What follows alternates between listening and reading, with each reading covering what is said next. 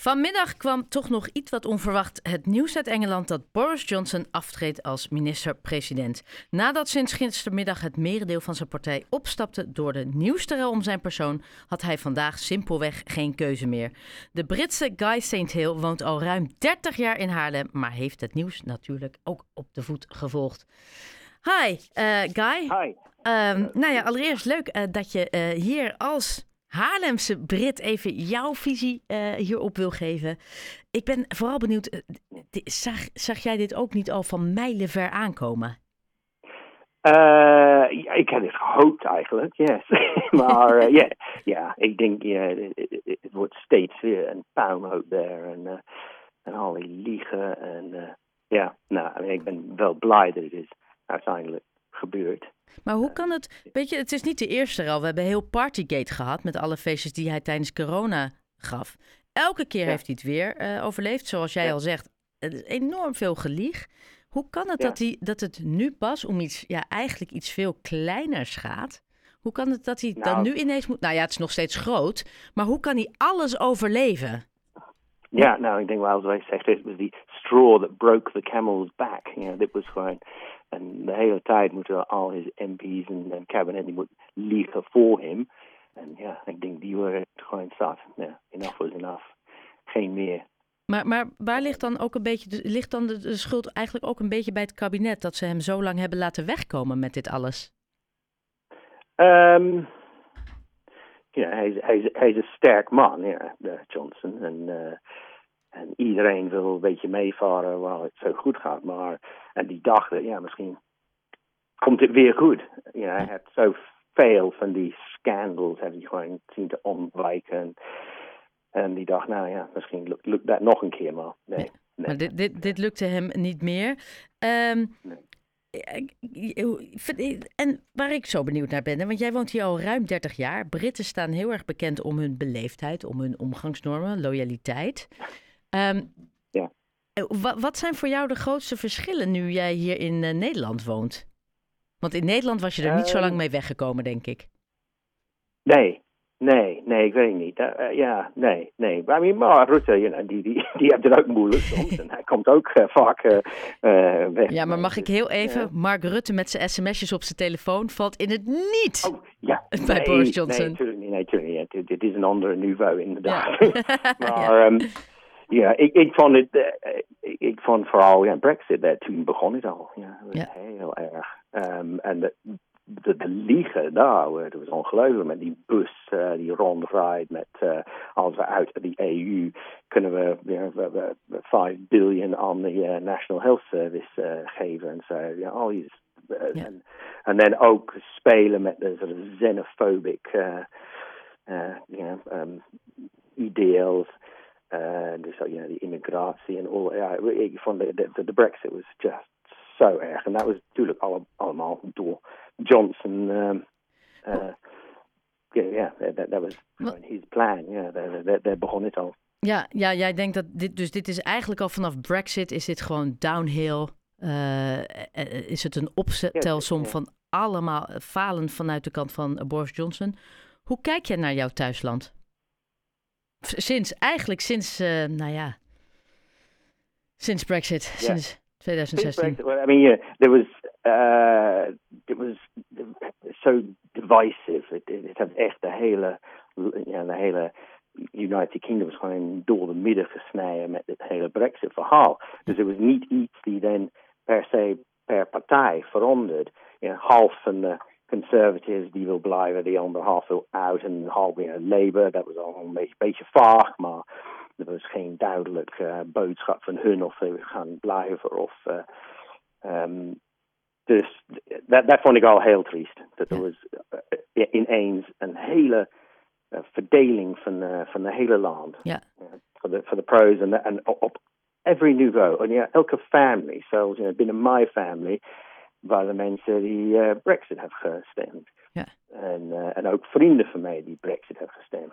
Ja, ja het is terwijl. Uh, ja, um, en ja, vro vroeger was ik wel in de, de conservative camp, zeg maar, toen ik nog in Engeland woon. Ja, maar nu niet meer.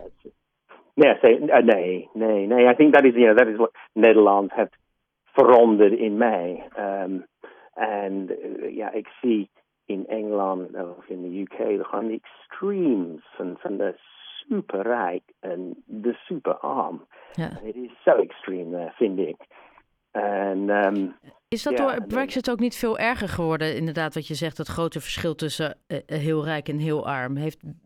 Ik denk Brexit, ja, en dan you know, COVID ook nog. Ja, dus, en dan nu ook weer dit. Weet je wat ik me wel afvraag? Is, is de grootste verliezer in het hele verhaal, Brexit, corona en nu weer Boris Johnson en de hele politieke onrust die dat met zich meebrengt, is de grootste verliezer niet gewoon de Brit?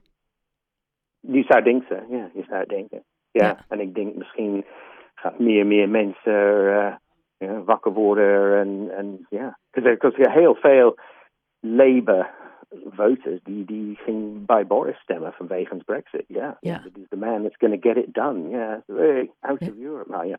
ja, en kijk wat het uh, heeft opgeleverd. Um, denk je dat hij uiteindelijk wel weer teruggaan? Denk je dat dit wel weer een kentering gaat brengen? Will this change everything? As, gaan ze weer terug naar Labour?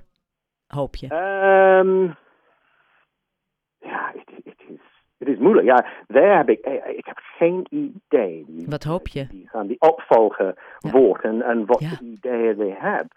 Um, ja, ja, is ja, want dat is de grootste vraag. Hè? En dat is, ik moest daar wel een heel klein beetje, ook, ook bij eigen, onze eigen situatie uh, kijken.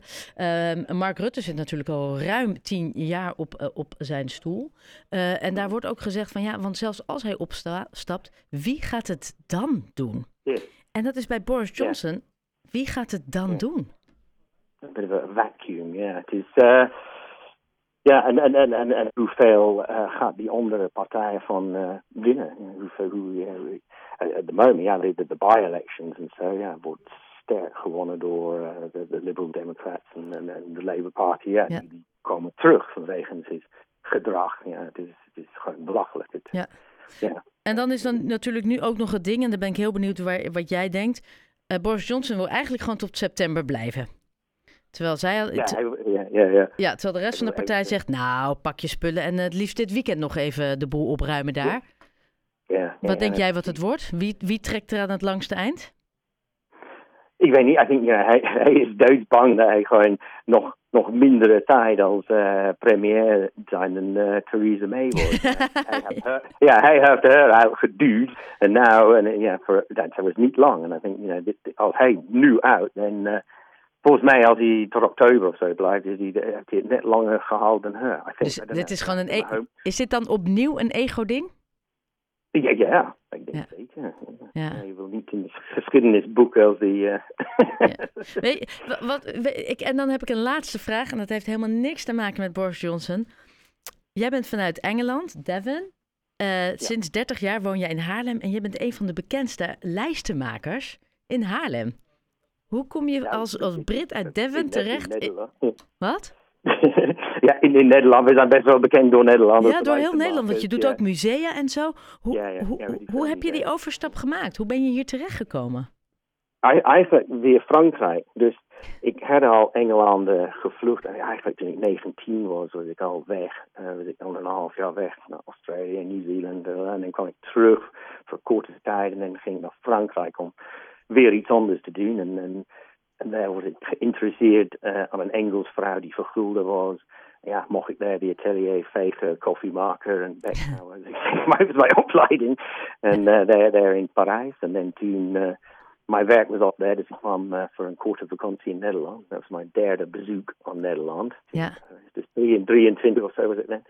Uh, ja, I love it here. Dus, Toen ben je blijven hangen. Ja, you love it here. Nou ja, op, volgens mij zit je op het ogenblik net iets prettiger in Haarlem dan in Londen. Of dan überhaupt in Engeland. Um, uh, Guy Saint Hill, heel erg bedankt voor je visie. Nou ja, laten we allemaal kijken hoe lang die daar nog zit in 10 Downing Street. En de volgende keer... Uh, nou, ik ben wel benieuwd wat je straks vindt wie de opvolger wordt. Maar ja, dat is ook een kwestie van afwachten, want dat weten we nog niet. Ja.